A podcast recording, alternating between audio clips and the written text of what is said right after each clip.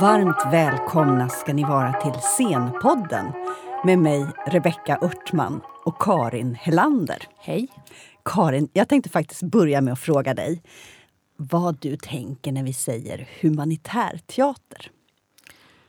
Ja, vad tänker jag då? Jag tänker att, det vet jag inte riktigt kanske vad det är, men jag tänker att humanitär det har med medmänsklighet och empati att göra, men man tänker ändå att humanitära insatser handlar ofta om sociala projekt. Mm. Så man kan liksom kombinera medmänsklighet med sociala projekt och teater. Då kanske det är humanitär teater. Men jag tror vi måste fråga dagens gäst. Ja, för vi har Pelle Haneus här i studion. Varmt välkommen! Tack så mycket. Ja, vi, vi pratade lite innan vi började rulla bandet här om humanitär teater finns som begrepp.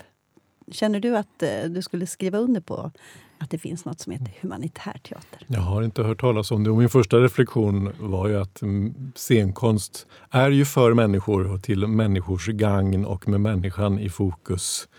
Men så kan man ju tolka det också som att det kan ha att göra med att eh, nå ut till människor som har extra stort behov av att dels bli sedda i mötet mellan scenen och publiken. Mm. Att um, bli stimulerade med eh, humor och fantasi. Inte minst unga människor, kanske som har, lever på ställen där det inte finns eh, barnkultur. Mm. Där det inte finns leksaker. Där det inte finns lek. Där man inte ser vuxna leka. Där finns det ett sorts skriande behov av att bli sedd. Och där tänker jag att eh, humanitär teater eller scenkonst av den sorten som jag har erfarenhet av det, där kan jag förstå det begreppet. Mm, och vi kommer ringa in det här ämnet ännu mer under den här eh, scenpodden. Men kan inte du först bara berätta om vem du är, Pelle Hannius? Jo, jag är skådespelare mm. och regissör och jag undervisar också en hel del på högskolor, akademier och sådär. Utbildad på Teaterhögskolan i Malmö till skådespelare. Och sen så kom jag för, ja, när det nu var, kanske 15 år sedan och mer och mer började regissera och undervisa. Och så... Um, Vad undervisar du i då? I skådespeleri, bland annat i genusmedveten gestaltning som jag kallar det. På teaterhögskolor och på andra teaterskolor för att uh, medvetandegöra skådespelaren om sina val mm. i mhm. relation till genusuttryck. Vad, vad menar man med genusuttryck? Det kan ju vara hur gestaltar jag den här människan utifrån min föreställning om att det är en man eller kvinna hur gestaltar jag maskulinitet och femininitet just i den här berättelsen? Jag, jag, läste någonstans om dig att du hade något som hette genusjumpa. kan inte du berätta vad det är? Det har jag gjort med folk vare sig de står på scenen eller, eller inte. Det är bara en jättelätt övning där man står med tyngdpunkten på olika sätt och märker hur små kroppsliga förskjutningar ändrar dels hur jag känner mig när jag gör den kroppen och dels hur jag tolkar den kroppen som står eh, symmetriskt eller asymmetriskt, som står på tå, som ler eller som ser barsk ut och harklar sig. Det är så små signaler som ger så starka effekter. Och det är klart, som skådespelare så måste man ju åtminstone ha ställt sig frågan kring vilken sorts maskulinitet, vilken sorts femininitet tror jag att den här berättelsen skulle gynnas av. Mm. För det är så vanligt att man gör oreflekterade första val. Mm. Och eh, det ska man inte göra på scenen. och man... det här gör du både med, med, utbildade, eller med skådespelare och med människor i helt andra sammanhang? Ja, mest på, te mest på teatrar och teaterskolor. Mm, blir de förvånade? Blir man förvånad över hur lite vi egentligen vet om våra uttryck? Jag tänker att den där medvetandeprocessen är alltid spännande, utmanande och lite grann beroende på vem man är själv, vilken resa man har gjort själv utifrån ens egen identitet, så kan det vara mer eller mindre utmanande, mer eller mindre frigörande. Mm. Många kvinnor kan jag tänka har ett mer eller mindre medvetet förhållningssätt till genus än många män. Mm. Många män har inte behövt reflektera kring sin identitetsposition som man på samma sätt som kvinnor behöver göra. Mm. Då tänker jag som i förlängningen, så vad syftar det då till? Det syftar till ett mer eh, jämställt och mer medvetet eh, samhälle? Alltså man kan ju anlägga sådana perspektiv på det. Man kan ju säga att det blir bättre teater. Ja. Om vi gör val som är medvetna så får vi också kontroll över vilken berättelse vi vill berätta på scenen. Och sen kan man ju också ha liksom att ja, men vi vill inte reproducera Nej, gammaldags stereotyper. Mm. Vi vill vara relevanta i samtiden. Världen utanför teatern är oftast mycket mer eh, mångfacetterad och erbjuder många mer exempel på vad människor kan vara än vad man ser oftast på scenerna. Och kan man konventionerna och genomskåda dem är det också lättare att bryta mot dem. Mm. Men då har du alltså den här gedigna skådespelarbakgrunden. Du har utbildat i eh, gestaltning och genusfrågor. Men sen har du också jobbat med humor och skratt Ja. eh, i en helt annan kontext. Jag blev indragen av en av, min, en av mina bästa vänner, Nalle Lanela, som eh, 1996 startade den svenska eh, delen av Clowner utan gränser. Han reste till det då nyligen öppnade Sarajevo som hade varit ockuperat. Där hade barn blivit beskjutna av krypskyttar på kullarna runt Och det om. här är år ungefär... 95-96. Där i Sarajevo träffade han på Payasos Sin Fronteras, spanska clowner utan gränser. Blev inspirerad av dem och bad dem om tillåtelse att starta den svenska organisationen. Med väldigt liten budget, med liksom egna ihoptjänade pengar. Och åkte sen flera vändor till forna Jugoslavien. Precis i efterdyningarna av inbördeskriget. Hur många var de då som Det åkte? var tre, fyra personer som Mhm. åkte dit. En Mm. akrobat, någon musiker, ett par clowner. Åkte dit bara liksom med, med kontoret på fickan. Och sen småningom så blev det här en ordentlig organisation. Som nu har eh, flera anställda och 90-konto och ett kontor i Stockholm. Är Nalle fortfarande... Nej, han är inte eh, ordförande driver. längre. Han är någon slags hedersande. Ja. och ägnar sig också åt att Ja. utbilda många artister för att kunna åka ut i fält, Mm. som vi säger, för Clowner utan gränser. Hur, hur utbildar man någon att åka ut i fält? Hur förbereder man sig? Jag tänker att man vet ju inte alls vad det är som, som väntar. Eller vet man det? Ja, vi som har varit ute flera gånger kan ju, har ju dragit slutsatser av vad, vad fungerar när man spelar utomhus för publik som inte har så mycket förkunskap om vad som ska hända.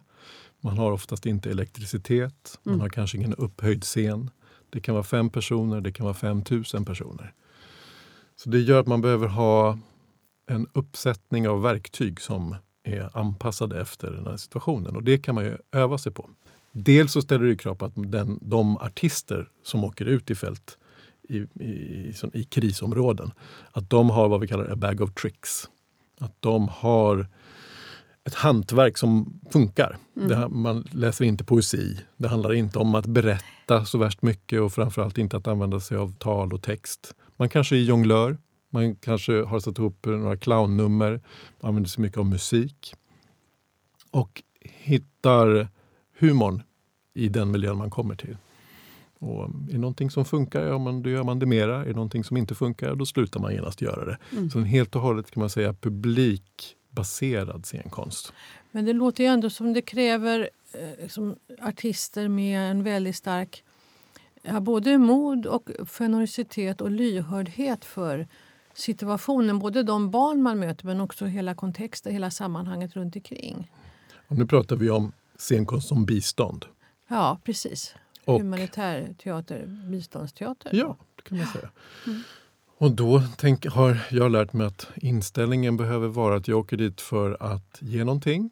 Det är klart att jag får ut mycket av det. Att komma till en miljö som jag aldrig skulle kommit till förut. Att jag blir inspirerad av fantastiska människoöden och människor som är starka och höjer sig över sin situation. Men det kostar också på. Jag måste också vara beredd att offra någonting. Jag kanske blir eh, lite eh, smått traumatiserad av det jag ser och behöver vara beredd på att ta hand om mig själv utifrån de upplevelser jag varit med om när jag kommer hem igen. Så att man, man får ge någonting av sig och, det, och man, alltså man kan säga att eh, i och med att publiken är så helt och hållet i centrum, publikens upplevelse är i centrum. Det är inte säkert att Mm. konstnärens upplevelse är så himla fantastisk. Man kanske själv inte tycker att man har gjort någonting som varit så enastående. Mm. Men har publiken skrattat eller åtminstone har man sett leenden, ja, då har man gjort sitt jobb. Mm. Men du finns den där eh, skyddsnätet eller liksom ta hand om apparaten när du kommer hem sen?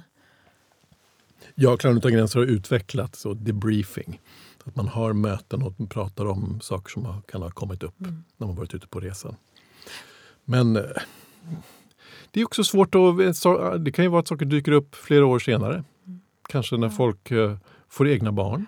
Och så minns man ja, de här barnen som man såg och som man inser ja, de finns fortfarande kvar där på de här barnhemmen i Moldavien där jag har varit eller på de här flyktinglägren i Rwanda.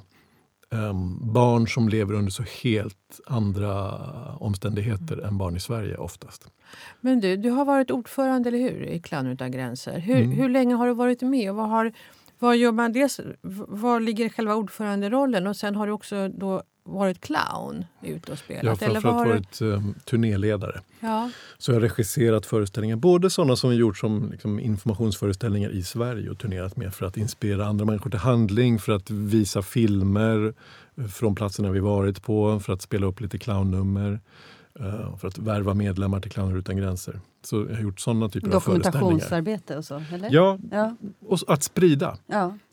Vi kommer till eller, vi kommer till platser dit många i Sverige inte kommer. Och så vill vi berätta om de människorna som vi möter där. Mm. För att andra ska bli inspirerade. Dels mm. att få en, en, mer eh, rikare bild av världen och var, hur det är att leva på olika håll i världen. Också för att ja, inspirera till engagemang och handling. Mm. Kan du ge några exempel på platser där du har varit med Clown utan gränser och de möten som ni har haft? Mm.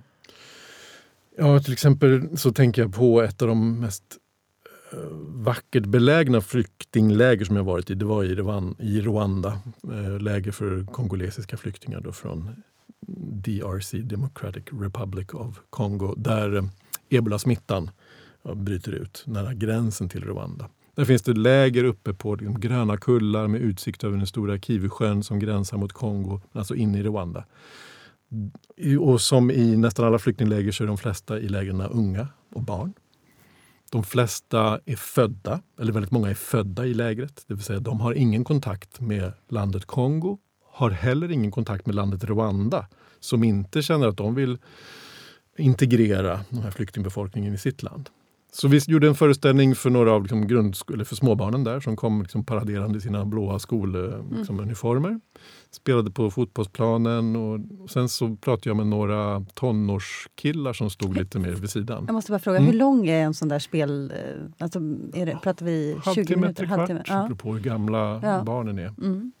Men de stod lite vid sidan av och var liksom lite för coola för att sitta med småbarnen och mm. kolla.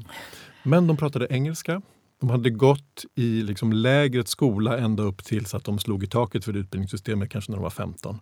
Så de pratade engelska, kunde lite franska, lite ord på tyska. De var tillräckligt välinformerade för att fatta att det var kört för dem. Och det, det var jobbigt att möta det. Småbarnen kan jag liksom glömma. De skrattar och lever i stunden. De här 15-åringarna, de hade tillräckligt mycket information för att se sin situation lite grann utifrån. De hade ingen internetuppkoppling i lägret. De hade inte råd att liksom, ta något fordon ner i dalen till något internetcafé. Och då blev jag drabbad av insikten att ja, de här ungdomarna har inget hopp. De har ingenting att hoppas på. Det finns inte någon lösning på konflikten i Kongo. Om det skulle bli en lösning och de skulle kunna flytta till Kongo där de aldrig varit, då skulle de behöva lära sig att bli jordbrukare. Det mm. kan de ingenting om för de är uppväxta liksom, i ett friluftsfängelse. Mm. Så den där liksom, massiva känslan av att deras liv inte leder någon vart och att ingen annan i världen vet att de finns där. Mm. Det kommer inga människor till det här lägret utom liksom avbytare från UNHCR eller andra NGOs, organisationer. Och att, att leva så liksom isolerat utan framtidsutsikter. Mm. Det är ju blytungt. Det, ja, mm. det, var, det var svårt att få en liten glimt av och naturligtvis väldigt svårt att, att, att leva i. Har du någon gång tänkt att jag måste gå vidare politiskt eller jag måste liksom gå via andra organisationer? Eller, förstår du vad jag vill åt? Mm.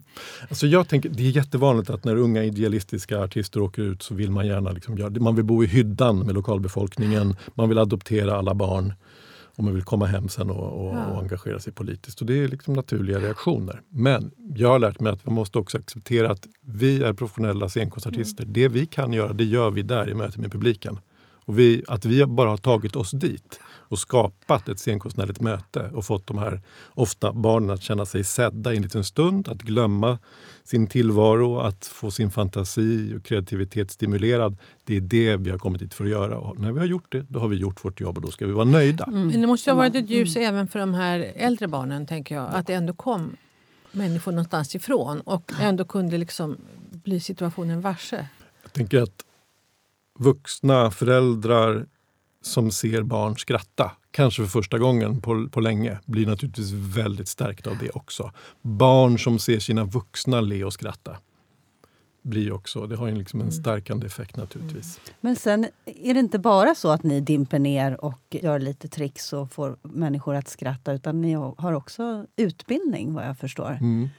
Att man lämnar någonting kvar. Kan säga att grundutförandet för, det här, för organisationen Clowner och gränser det är just att göra en föreställning, att göra fest för en dag och så är det gott nog. Men sen har vi också satt igång liksom pedagogiska projekt där vi tränar tränare i lokalbefolkningen, där vi utbildar lokala artister så att människor som lever bland publiken kan ta arbetet vidare och göra mer långsiktiga projekt. Dels pedagogiska projekt men också att uh, göra föreställningar på plats. Mm, mm. Alltså nu med flyktingströmmen från Syrien, när det kommit så många flyktingar till Libanon och till Jordanien där det finns ett enormt behov. Där har vi liksom verkligen satsat på att utbilda lokalbefolkning. Och då lär man, lär man sig jonglera eller? Eh? Alltså oftast är det pedagogiska metoder. Eh, jag har själv inte varit inblandad i de projekten men jag vet att organisationen också av ekonomiska skäl har gått mer och mer mot mer långsiktiga projekt. Att man kan vara på plats med personal från mm. det landet under några år. Mm. Finns det andra organisationer som också jobbar med scenkonst i humanitära områden? Ja, det finns ju ett, ett gäng små organisationer. Både, det finns ju Artister utan gränser mm, Artister mm. för fred och så vidare. Men jag har inte så bra koll på vad de faktiskt gör. Sen stöter man också ibland på uh, dels andra Clowner utan gränser-organisationer eller organisationer som folk tror var Clowner utan mm. gränser men de kanske var ett lite mer löst ihopsatt ja. gäng. Frifräsare. Ja, ja, ja, Eller kanske någon liten NGO, en liten organisation som har samlat ihop pengar och, och uh, renoverat en buss och åkt med den till Irak ja. och spelat gatuteater på vägen. Ja. Men du sa att embryot då från början med Nalle var när han mötte spanska Clowner utan gränser. Finns det samarbete mellan Clowner utan gränser internationellt? Så? Ja, numera så finns det en, liksom en, en världsorganisation som binder samman de olika chapters, mm. kapitlen runt om i världen. Och jag tror att det är kanske en tolv uh, länder nu som har organisationer. Brasilien och Indien är två av dem som håller på att starta upp ja. organisationer nu. Och hur väljer ni vart ni ska åka? Flyktingläger ofta?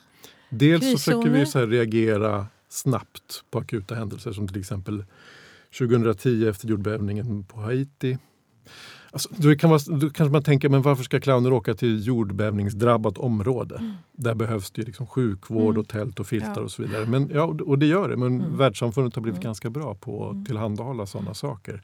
Men om man tänker, ja här sitter ett, ett läger med 600 barn som har förlorat sina föräldrar. Vad ska de, det har gått en, två veckor mm. sedan jordbävningen. Vad ska hända nu? Ska de bara sitta där och med en filt och medicin? Det räcker liksom inte. Och där gör organisationer som Clowner utan gränser väldigt stor nytta. Så där var det som snabb respons. Men annars så handlar det ganska så mycket om att man behöver åka dit där det finns finansiering för att åka. Mm. Och det där har jag lärt mig också, att där går en hel del trender i. Det handlar ganska mycket om vad media väljer att bevaka. Mm. Vad är dramatiskt nog? Mm. Liksom. Om det har hänt någonting nu, då skrivs det mycket om det. Då kan man söka pengar för det. Men ja, men de palestinska flyktingarna i Libanon till exempel. Det pågår. Ja. ja. det är ingen som vet om, det är ingen som vet att det är liksom apartheid i Libanon. Att det finns en lista på yrken mm. som palestinier inte får ha i Libanon. Men det här bara liksom pågår och pågår och det finns ju många sådana långdragna konflikter. Eh, västsahariska människor som sitter i läger ute i öknen i Marocko har gjort det i, jag vågar inte säga ett årtal, men det är väldigt länge på platser där det inte finns grundvatten. Mm. Och där världssamfundet låter de här människorna bo där. Möter ni motstånd från andra människor eh, med er verksamhet? Eller är det alltid åh vad härligt att ni kommer? Det kan finnas initialt lite så ifrågasättande. Dels kan det finnas från folk som är vana vid att bistånd ser ut på ett visst sätt, alltså mottagare av bistånd. Mm. Som är vana vid att när det kommer västerlänningar, om man nu åker till, låt säga, um, en Pomalunga i nordöstra Sydafrika där hiv-aids har drabbat stor del av befolkningen. De är vana vid att det kommer medicinsk personal och att man får vissa typer av förnödenheter och så kommer det clowner och då undrar man först, men vad är det här för någonting? Det här är lite kanske under vår värdighet Mm. eller vad, vad ska vi med det här Mm. till? Men när föreställningen väl sätter igång, när barnen sitter i en stor halvcirkel, 200-300 barn och viker sig dubbla av skratt, då undgår det ingen Nej. vad kvaliteten är. Mm. Det, också, det har jag lärt mig så otroligt mycket av som scenkonstnär. Att förstå vad är det egentligen som är själva poängen med scenkonst? Vad är det som händer i mötet mellan scenen och publiken? Vad är värdet med det? Och det blir så otroligt så att säga, barnsligt tydligt, övertydligt i sådana situationer. Här blir vi människor. Mm. Här blir jag sedd, här blir min erfarenhet sedd. Här, blir, här ser jag andra skratta. Jag måste berätta, jag var på ett barnfängelse i Moldavien, eh, ett av eh, Europas fattigaste länder. Det var liksom 15-åringar blandat med äldre ungdomsbrottslingar. Folk som hade liksom, eh, hakkors tatuerade på bröstet och hade såna ryska maffiatatueringar och så vidare. Så att blandade, åldersblandade, bodde i enorma sovsalar, bara, bara killar. Då gjorde vi en, en föreställning där på deras lilla basketplan. Och då tänkte jag att de här killarna, de här tonåringarna, de reagerar exakt likadant på föreställningen som sex och sjuåringarna som vi spelade för på barnhemmet dagen innan. De tittar på scenen, de, jag sitter i publiken, kollar på mig för att se om jag såg samma sak som dem. Ja. Jag skrattar, de skrattar. Vi blir liksom till tillsammans. Vi blir liksom verkliga. Det är så otroligt nästan påtagligt att vi blir till som människor Mm. tack vare, i det här fallet, scenkonsten. Men är inte detta humanitär Ja, teater? human. tänker jag. Ja. Men du, eh, eh, det är alltid så att en målgrupp, eller den viktigaste målgruppen är barn och unga. Är det så? Det behöver inte vara så. Nej. Ehm, det är på något sätt enklast att nå barn som Mm. finns i skolmiljöer eller som finns på olika institutioner. Vi har spelat till exempel på kvinnofängelser i, i Moldavien Mm. också. Jag tycker det är fint att spela mot, med för åldersblandad publik just Mm. där barn får se vuxna skratta och vice versa. Mm. Det är fint att spela för politiska ledare eller olika borgmästare som kommer och sätter sig bland barnen och får byxorna Mm. metaforiskt Mm. neddragna framför ögonen på de fattigare Mm. och så vidare. Så att, eh, Man reser alltid tillsammans eh, i grupp? Eller kan man åka ut som ensam clown? av, av, av säkerhetsskäl så åker vi alltid i grupp. Och hur många brukar ni vara? som... Ja, jag har åkt med en grupp när vi var 15 Möter. personer. Min första uppdrag där vi åkte till eh, Libanon, och Jordanien och Västbanken. Där var vi 15 personer inklusive ett filmteam och en orkester och Mm. clowner. Mm. Eh, men det är ju mer, och jag har Ja. också åkt med eh, högskolestudenter i flera omgångar. Ja. Då är man kanske 10 personer. Men det är ganska opraktiskt att vara så Mm. stora. Men finns det något minimum? Man ska alltid vara tre? Eller finns, har ni någon sån kod? Inte vad jag, inte, det, har jag, inte- det minns jag inte att vi har pratat om. Mm. Men vi är ju oftast minst tre personer. Mm. Mm. Finns det någon verktygslåda som man så här, vill ha med sig när man, när man reser? En fysisk verktygslåda. Ja, fysisk eller eh, bara imaginär? Roliga näsor Ja, i en låda. ja. Man har väl ibland med sig sin lilla clownnäsa. Förstå, Eh, Förstår alla vad clownnäsan är för någonting? Är det en signal som, som är universell? Jag tänker att i föreställningens sammanhang så blir den tydlig. Man kanske inte förstår det intellektuellt. Men om man tänker på clownnäsan som en liten mask Mm. som- förändrar ansiktet och som också åtminstone en bit in i föreställningen signalerar att den här personen som har den här röda näsan, den är inte så erfaren. Den kanske är positiv Mm. men vet inte riktigt vad den håller på med. och så det, det, det, det upplever man åtminstone Ja. efter, efter ett tag. Sen så är det inte alls alltid som eh, man använder röda näsor eller näsor överhuvudtaget. Det är inte det som gör clownen. Men vad gör clownen då? Alltså, vad är det som gör clownen? En, en clown, och det här är någonting som, som Nalle har formulerat fint i sin, i sin bok om clowneri utifrån erfarenheter av, av att arbeta med Clowner utan gränser. Det är en person som kan eh, i kontakt med en publik ställa till med lek. Mm. Som kan gå in i ett rum och ändra atmosfären i det rummet. Mm. Eh, och det finns flera kriterier mm. också. Men eh, han är en person som får människor att känna saker genom att reagera kanske själv på ett ganska så naket sätt på saker som inträffar på riktigt mm. i rummet. Mm. Så signalerar det publiken, till publiken att Jaha, här, här får jag också känna. Jag tänker mm. också, det har ju varit även i att man ser clowner på sjukhus och ja. i andra typer av Ja, men det är en väldigt besläktad verksamhet. Sjukhusclowning och eh, ska man säga, biståndsclownande. Ja. Det handlar om att med stor respekt för den som är publik få tillåtelse att kliva in i den personens verklighet och göra en resa tillsammans med den eller de, de personerna utifrån där de befinner sig. Mm. Är det någon som är svag, eller rädd eller traumatiserad, ja då måste artisterna vara väldigt lyhörda för det. Inte rusa över, springa för nära eller gå någonstans dit publiken inte vill gå eller inte är beredda eller förmögna att gå just då. Mm. Och i det här lilla intima sjukhusrummet där barnet kanske känner sig utsatt, kanske upplever smärta. Där är det jätteviktigt att man övar upp dem och har de där stora, stora känselspröten ut, ute och just reser tillsammans med publiken. Mm. Och där tänkte jag, jag har hört Eva Ripe och även andra som arbetar då som sjukhusclowner och som just beskriver det här också så väldigt fint som du också gör. Men det här att, och som du också sa, Clown utan gränser gör, den här det här fantastiska när man kan träffa ett traumatiserat eller ett svårt sjukt barn eller barn i kris med sina vuxna. Och där, man, där, barnet får se att den vux, där vuxna först får se att barnet skrattar och barnet får se den vuxna slappna av för att barnet skrattar. Och den, Eh, alltså den dynamiken är ju helt fantastisk. Mm. Mm. Och som är väldigt just subtila och små varsamma medel. Så, mm. Alltså, clowner får ju, mycket, får ju mycket slack, om man säger på engelska. Får ju mycket hån. Och eh, ja, man, folk gör sig löjliga över clowner. Mm. Eh, vilket jag tycker är väldigt, oftast väldigt okunnigt och inte baserar sig på vad professionella clowner arbetar med. Jag tycker att de, och det är inte väldigt många, men de clowner som är väldigt bra, de blir lite grann som magiker. De går in i ett rum och skapar en förhöjd känsla av liv som man sen bär med sig inuti.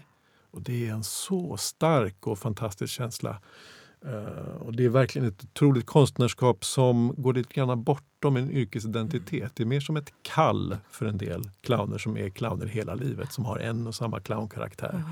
I Sverige så är uh, clownen Manne mest känd för det. Han, mm. han ser alltid likadan ut, det är samma clown som återkommer. Det är en viss typ av tilltal. Och den där förmågan att liksom gripa in i vilken situation som helst nästan och, och göra den och höja liksom densiteten på den. Mm, här måste vi göra ett litet eh, reklampaus och säga att ni får gärna höra på scenpodden med clownen Manne. Men vad jag tänkte du sa också så var också en fantastisk sak. Det här som du hänvisade till Nalles bok om, att, om clown. Att man kan få med leken i en miljö där det finns barn men som har slutat leka. Mm. Ja, och barn, alltså det, det slog mig när jag var, nästan alla de platser som jag har varit på och när jag sett eh, film från rohingyerna, minoriteten eh, som är förföljda både i Burma och i Thailand. Det är alltså helt lerfyllda flyktingläger där det knappt finns någon färg utom någon plastpåse. Och då blir det så uppenbart att ja, de här barnen som bor här, de har inga ritböcker, de har inga kritor, det finns inga gungor. De har aldrig lyssnat på en skiva med barnmusik. Och för mig som uppvuxen i Sverige, i Stockholm på 70-talet, jag fullkomligt var överöst av kultur och konst som var riktad mot mig. Så blev ju det liksom en... en att, att, jag kunde inte ens mm. föreställa mig vad det innebär att växa upp utan leksaker, att växa upp utan färg, att växa upp utan några redskap att uttrycka sig. Mm. Om det då kommer några en gång eller en, en mm. dag per år några vuxna i färgglada kläder som leker. Mm. Det är klart att det blir ju... Ja, det var så starkt också i Moldavien eh, när vi besökte ett, eh, ett väldigt underfinansierat eh, barnhem. När vi kom dit så var liksom barnens blickar ganska så tomma. Man ser, det är inte så mycket mm. liv i ögonen. Och de är dels på grund av undernäring också ganska småväxta. Även om de är 12 så kanske de ser ut som 8-9 eller sådär. Och så, så bodde vi på ett av de där barnhemmen, jag och ett gäng studenter från, från konstnärlig högskola lekte med barnen, gjorde föreställningar där, gjorde dagsutflykter och spelade för andra barn och kom tillbaka och gjorde flera lekar. Och när vi hade varit där tre dagar, ja då var det liv i de där barnens ögon. Mm. Samtidigt som de ju visste att vi, de visste från början att vi skulle inte flytta dit, vi skulle, vi skulle försvinna. Mm. Mm. Men de lär sig, den typen av barn, att ta åt sig lite kramar när man får och sen så och att, att njuta av det som finns. så att säga. Mm. Mm. Och sen stålsätta sig inför avskedet. Men det där livet, den där skillnaden i livsgnista, den var ju så otroligt påtaglig. Mm. Och, du, jag tänkte på det här med vad man har med sig i sin lilla låda. Eh, förutom clownnäsa och kanske färgglada kläder och så. Men den här liksom, specifika kompetensen. Eh, finns det speciella tricks eller knep eller eh, situationer eller slapsticks eller vad vet jag som, som är liksom säkra kort när ni kommer ut? Eller är det så att det är väldigt olika i skilda miljöer? Jag skulle säga att den, den enklaste formen av fysisk komik är, går hem överallt. Det handlar ganska så mycket om att se en människa förlora kontrollen men inte skada sig. Mm. Mm. Och att det är någonting med rytmen som förändras. En person går, låtsas snubbla på en sten, snubblar, faller nästan men klarar sig. Och alla andas, alla skrattar och blir liksom spända och så släpper man ut spänningen genom skratt. Ja. Det är förlösande. Ja, det är förlösande ja. och ganska universellt. Ja. handlar mycket om att lösa upp spänning. Ja. Det kan man göra med att gråta, genom att skratta eller på andra ja. sätt. Men, men känner du, jag tänker det är sån enorm kompetens och kunskap som utvecklas i det här mötet. Mm. Hur, hur kan man, eller kan du ta med dig det i ditt andra yrkesliv, om man så säger? Ditt eh, skådespelar-jag och ditt regissörs-jag här på svenska scener? Ja, dels så handlar det om en respekt för publiken. Mm. Och sen handlar det om att en del personer som arbetar på scenen har en mer utvecklad känsla för timing, för komisk timing. Och det, behöver man, det kan man liksom bara göra framför en publik. Man kan inte repetera clown utan en publik nästan. Mm. Man kan repetera rent tekniskt vad man ska göra. Och olika musikcuer och sådär. Mm. Men finliret uppstår bara med publiken. Så att egentligen skulle jag säga att just clown och den typen av fysisk komik, den är liksom lite som en egen genre. Den kan man naturligtvis använda sig av och ta in i andra scenkonstföreställningar. Men det är inte alltid att den lånar sig så bra till att berätta en berättelse som man ofta gör på teatern. Mm. Därför att clownen har liksom sina egna regler och är inte så kanske intresserad av att berätta en berättelse. Den är kanske mer intresserad av att någon eh, hostade i publiken. Mm. Och då var det det som hände. Om man har varit ute mycket som du har varit och sett så mycket så tänker jag att när man kommer tillbaka då så skulle i alla fall jag tro att jag inte var så intresserad av vissa saker som jag tyckte var helt oväsentliga. Alltså att det faller bort en del som man tycker, liksom, varför? Och att man vill göra väsentliga saker. Och när jag satt och googlade på dig kvällen så hittade jag ett brev som du har skrivit till rektorer tror jag det var, när du var konstnärlig ledare på Regionteater Väst. Och det är för att ni gör en klassrumsföreställning som heter Den avvikande meningen som du gärna får säga lite om, som var väldigt eh, omdiskuterad. Som var en dramatiserad föreläsning om fascism. Och där skriver de om varför det är viktigt att göra scenkonst för ungdomar som handlar om att, eller som har som syfte att eh, eh, motverka fascism helt enkelt, och fascismen som ideologi. Eh, och du är väldigt tydlig i det här brevet till rektorerna och stöder det på olika stöddokument och sådär. Så att den är väldigt substansrik text om vikten av att arbeta antifascistiskt med scenkonst. Mm. Jag tänker så här att vi som är uppvuxna i demokrati och med i ett extremt land som Sverige, där det är så extremt tryggt och förhållandevis små skillnader i livsförutsättningar bland, mellan grannar, så är det lätt att ta det vi har här för givet. Demokratin är hotad i Europa på allvar för första gången sedan 30-talet. Det går liksom inte att dalta med människor som med hjälp av demokratins verktyg vill överta makt. Jag tänker att de fascistiska partier som finns eh, både i, i Sveriges riksdag som heter Sverigedemokraterna som är representerade i många kommunfullmäktige och i landsting. Ehm, det är en väldigt farlig kraft därför att de med ulvar i fårakläder, de vill gärna låta som andra demokratiska politiker men det är så uppenbart att det är maktövertagande som är det enda som är intressant. Och när vi i vår diskussion om de här politiska krafterna får att låta som att de är partier som alla andra, då är vi illa ute. Och jag upplever så tydligt att, det, att vi är på ett sluttande plan där vi vet vad, vad vi landar i. Vi landar i folkmord om man går åt ett fascistiskt håll, om man kastar det som vi kanske inte ens ser att vi har över bord, att vi tar det för givet. Och när jag har besökt länder där um, de svagaste är så otroligt svaga och där mänskligt liv inte värderas så som det gör i Sverige.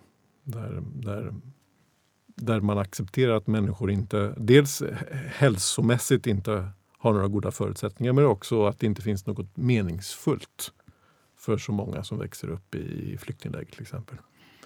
När man har sett det så förstår man också vad, vad som krävs för att upprätthålla människovärdet.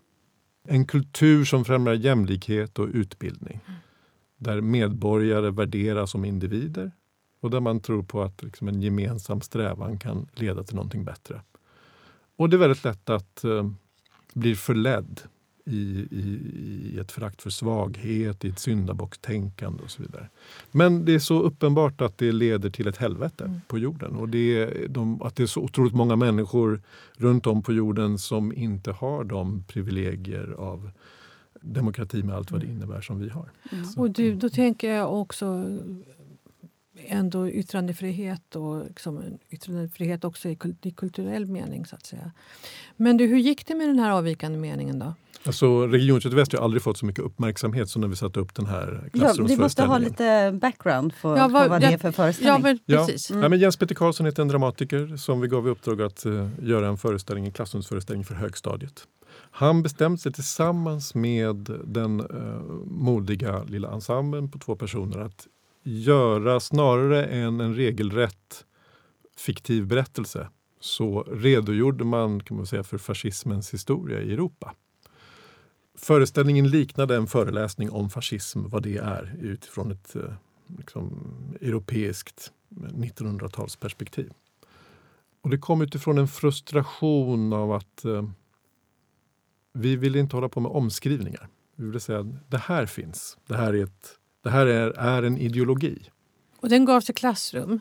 Så det blev också som en slags, jag såg det inte i klassrum utan jag såg det i en eh, teatersal. Men mm. det var mm. ändå, man fick en slags känsla av att man satt Eh, att det nästan var som två föreläsare, två lärare som verkligen ville berätta om fascismens historia. Mm. För man skulle förstå innebörden. Mm. Mm.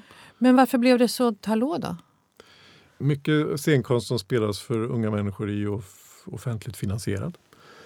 Och då finns det, ska man säga, politiker som har lite mindre förståelse för eh, demokratins historia och vad yttrandefrihet innebär som kostade på sig att ha invändningar mot vad vi professionella teaterarbetare valde att sätta upp på en teaterscen för de här skattemedlen. De tyckte att det eh, inte alls var så konstigt att regionpolitiker skulle in och bestämma över vilka, vilka slags val, konstnärliga val som vi gjorde. Det är det med avstånd som mm. också naggas i kanten då. Att ja. politiker lägger sig i vilket, vilket innehåll som konsten och kulturen ska ha. Precis, och det är ett jätteviktigt avstånd. Mm. Annars så blir ju konsten ett, ett redskap för makten.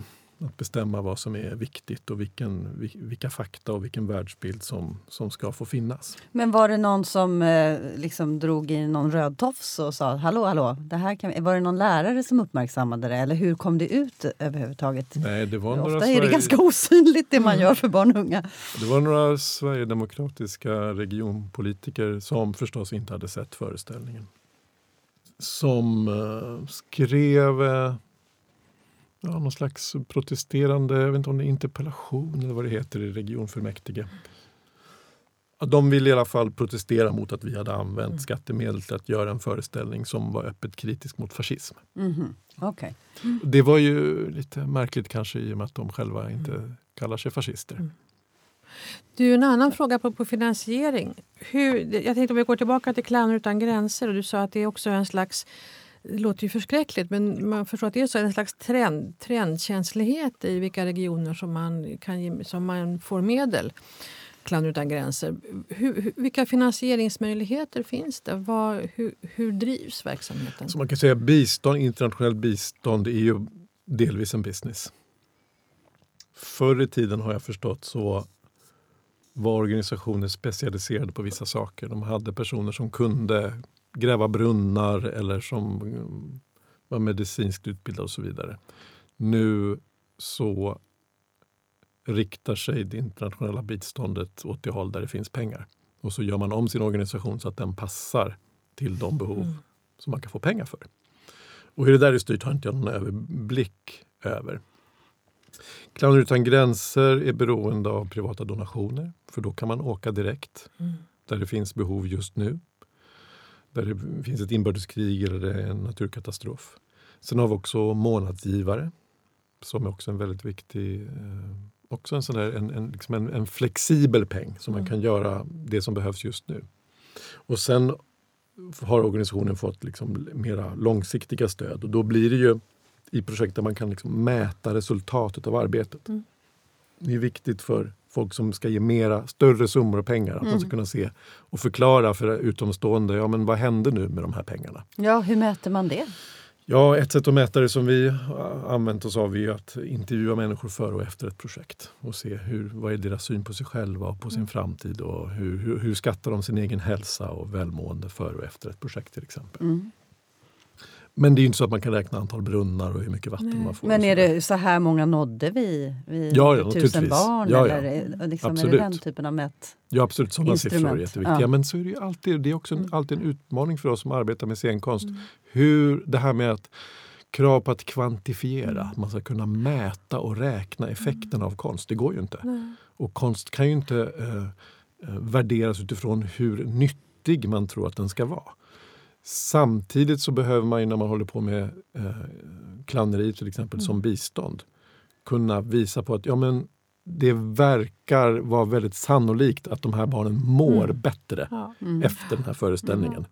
Men hur man exakt mäter det. Nej, och det, det kan ju vara också om, om, fem år så eh, väljer den här tjejen eller killen höger istället för vänster. Eller vad man nu har, står Det är helt omätbart. Och då kommer man in på det som Sven-Erik mm. Lidman kallar för pseudokvantiteter. Att man låtsas, alltså man hittar på kvantitativa mått som man låtsas är exakta och säger någonting. Och det gör det ju inte alls. Det är bara det att det finns liksom krav på att det ska finnas. Ja, och det får det man ju som en clownbiståndsorganisation ja. ibland göra. Då får man liksom passa in både i scenkonstvärlden och i biståndsvärlden. Mm. Och man kanske blir lite missuppfattad i båda världarna. Mm. Det blev tydligare för mig att, att det är livsviktigt med kulturella uttryck. Dels att, att som publik få syn på världen och sig själv på ett annat sätt genom en konstnärlig gestaltning. Och dels att få uh, uttrycka och skapa själv. Och att och, man måste försvara den hela tiden, att ja, den inte är självklar. Det beror ju på hur vi röstar, hur mycket det behöver försvaras. Det finns ideologier som eh, just kvantifierar och mäter allting i, pengars värde. Och då eh, kan man ju titta i historien. Då har ju, konsten har ju aldrig burit sig. Det finns ju många liksom, marknadskramande politiker som gärna vill att vi ska liksom, motivera mm. vilken konst som ska finnas med, hur mycket pengar den tjänar. Det vill också Sverigedemokraterna mm. göra. Mm. De använder sig av en nyliberal strategi för att nedmontera den offentligt finansierade konsten. Uh, för att de vet att den kulturella arenan är ett viktigt slagfält i den politiska kampen. För dem är kulturen en viktig fråga. Alltså ja. Det är de som lyfter kulturen. Precis, och då vill man ju liksom nedmontera misshaglig kultur genom att säga att ja, det här bärs inte mm. och det är dåligt med kultur som ingen vill se, mm. för, som ingen betalar för. Men det är väldigt ohistoriskt eftersom i historien så har det alltid funnits folk som varit beredda att betala det mm. som konsten kostar utan att få någonting tillbaka så att säga, från för det i pengar. så att säga mecenater och olika kungar och hov och hit och dit. Um, men jag vill komma fram till att ja, när vi spelar för en publik som så uppenbart har ett starkt behov av att se nästan vad som helst. Uh, som reagerar på minsta lilla grej. Och där det har varit, det räcker ibland med att vi har tagit oss dit för ingen annan har kommit dit.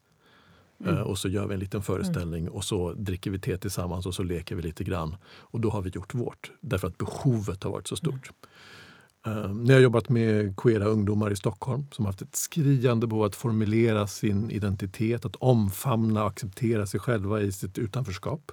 Då finns det också ett starkt behov som skapar också starka berättelser och som, som, som skapar mm, som, som berör människor som kommer i kontakt med därför att det är självupplevda berättelser, det är starka öden som man kan inte värja sig ifrån. Du har alltså haft kurser i... Och en teatergrupp? Ja, jag hade en ungdomsteatergrupp i flera år på, på 00-talet som mm. vände sig till, till unga, unga queers. Mm. Alltså, och vi spelade under Stockholm Pride oftast. Men där blir det väldigt tydligt att här finns ett starkt behov. Men så tänker jag att det där behovet, det, för att svara på vad har jag fått med mig i min övriga liksom, scenkonstverksamhet, det är att ta det på allvar. Att det finns eh, hos alla som går och sätter sig i en teatersalong. Vi vill, vi behöver se oss själva gestaltade. Och det gör ju också att det går liksom inte att slarva med vilka berättelser vi berättar, varför vi samlas och gör just den här föreställningen för just den här publiken. Därför att det är, det är starka behov som vi har, som scenkonsten kan tillfredsställa bara en följdfråga på det här med utan gränser också. Hur länge, alltså hur, de som jobbar som clowner i Clown utan gränser, hur, i medeltal, alltså hur många år orkar man hålla på? Det är ju väldigt individuellt. Um, jag tänker att de som lever och verkar som clowner, de ser nog det som, ett, som ett, uh, en livslång mm. uppgift. Mm. Det är inte väldigt många i Sverige vår liksom inomhus teatertradition har inte lett till den här gatuteatern och den här liksom folkliga teatern på samma sätt. I alla fall inte längre. Eh, som i en del andra liksom i kontinentala Europa, i, i Spanien och Frankrike och Italien och sådär.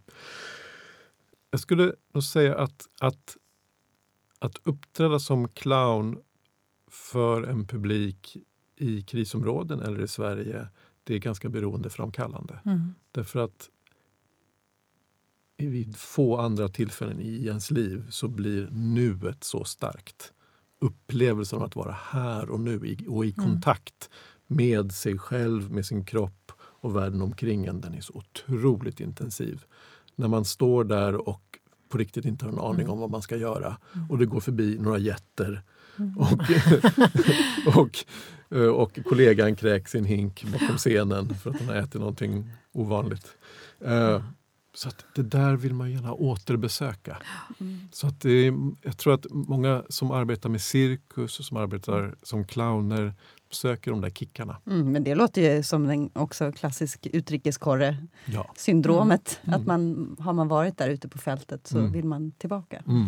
Och sen får man komma hem och njuta av lyxen hemma. Någonting som det här med när man har varit på ovanliga platser och mött människor i kris och kommer hem, då känner man sig väldigt främmande för den här lyxen hemma och man ser hur lyxigt det är. Men sen är det också så att det är ganska fort att man vänjer sig ja. mm. och liksom vaggas in och bäddas in i den trygghet som vi har. Men då är det viktigt att vi också värderar den och väljer att försvara den och inte tar den för mm. givet. Mm. Det, man kan säga, det är en lyx att inte behöva ha humanitär scenkonst. Att kunna ha scenkonst som är mera kanske intellektuellt stimulerande. Därför att vi har barnböcker och vi har musik och vi har tv-program. och Vi har färgglada kläder som vi kan köpa eller inte och så vidare. och så vidare. Men när man inte har någonting av det där, då behöver man det där specialkomponerade som har sökt upp en för att bidra just med det där fantasieggande och hoppingivande. Mm. Det finns ju många artister som eh, är utbildade och som är hungriga på att få göra såna här typer av resor. Finns det någon utbildning där man faktiskt kan förkovra sig och, och bli en humanitär aktris? Ja, jo, Clowner utan gränser kommer till exempel i samarbete med Stockholms dramatiska högskola ge en eh, kortkurs, tre veckors kurs. Jag tror det blir nästa sommar, alltså sommaren 2020. Um, ehm, i metoder som hjälper en att arbeta i fält med Clowner utan gränser. Annars så... Alltså en sommarkurs på ett par veckor? Eller vad ja, tre veckor, tre ja. veckors kurs. Ja. Uh, och annars så är man medlem i Clowner utan gränser som artist, artistmedlem, om man liksom är godkänd medlem då kan man ju fortbilda sig Ja. inom ramen för organisationen också. Ja, men det är bara för professionella, alltså Ja. att man är redan utbildad på Precis. Cirkushögskolan? Man kan jämföra med, med Läkare utan gränser. Mm. Det är ju professionella yrkesverksamma läkare och sjuksköterskor som donerar sin tid och åker några veckor Mm. utomlands. Det är samma sak med Clown utan gränser. Det är inga amatörer som åker ut. Därför det vore respektlöst både mot konsten och mot de som ska ta emot kulturbiståndet. Ja. Och sen så om man vill läsa mer om det här och om man vill undra mer om hur organisationen funkar då finns det en hemsida som heter skratt.nu. Tack Pelle Haneus för att du kom till Scenpodden och pratade om ah, humanitär teater och bistånd. Tack Karin. Tack. Ni möter oss igen om ett par veckor. Då med en ny spännande gäst. Missa inte det.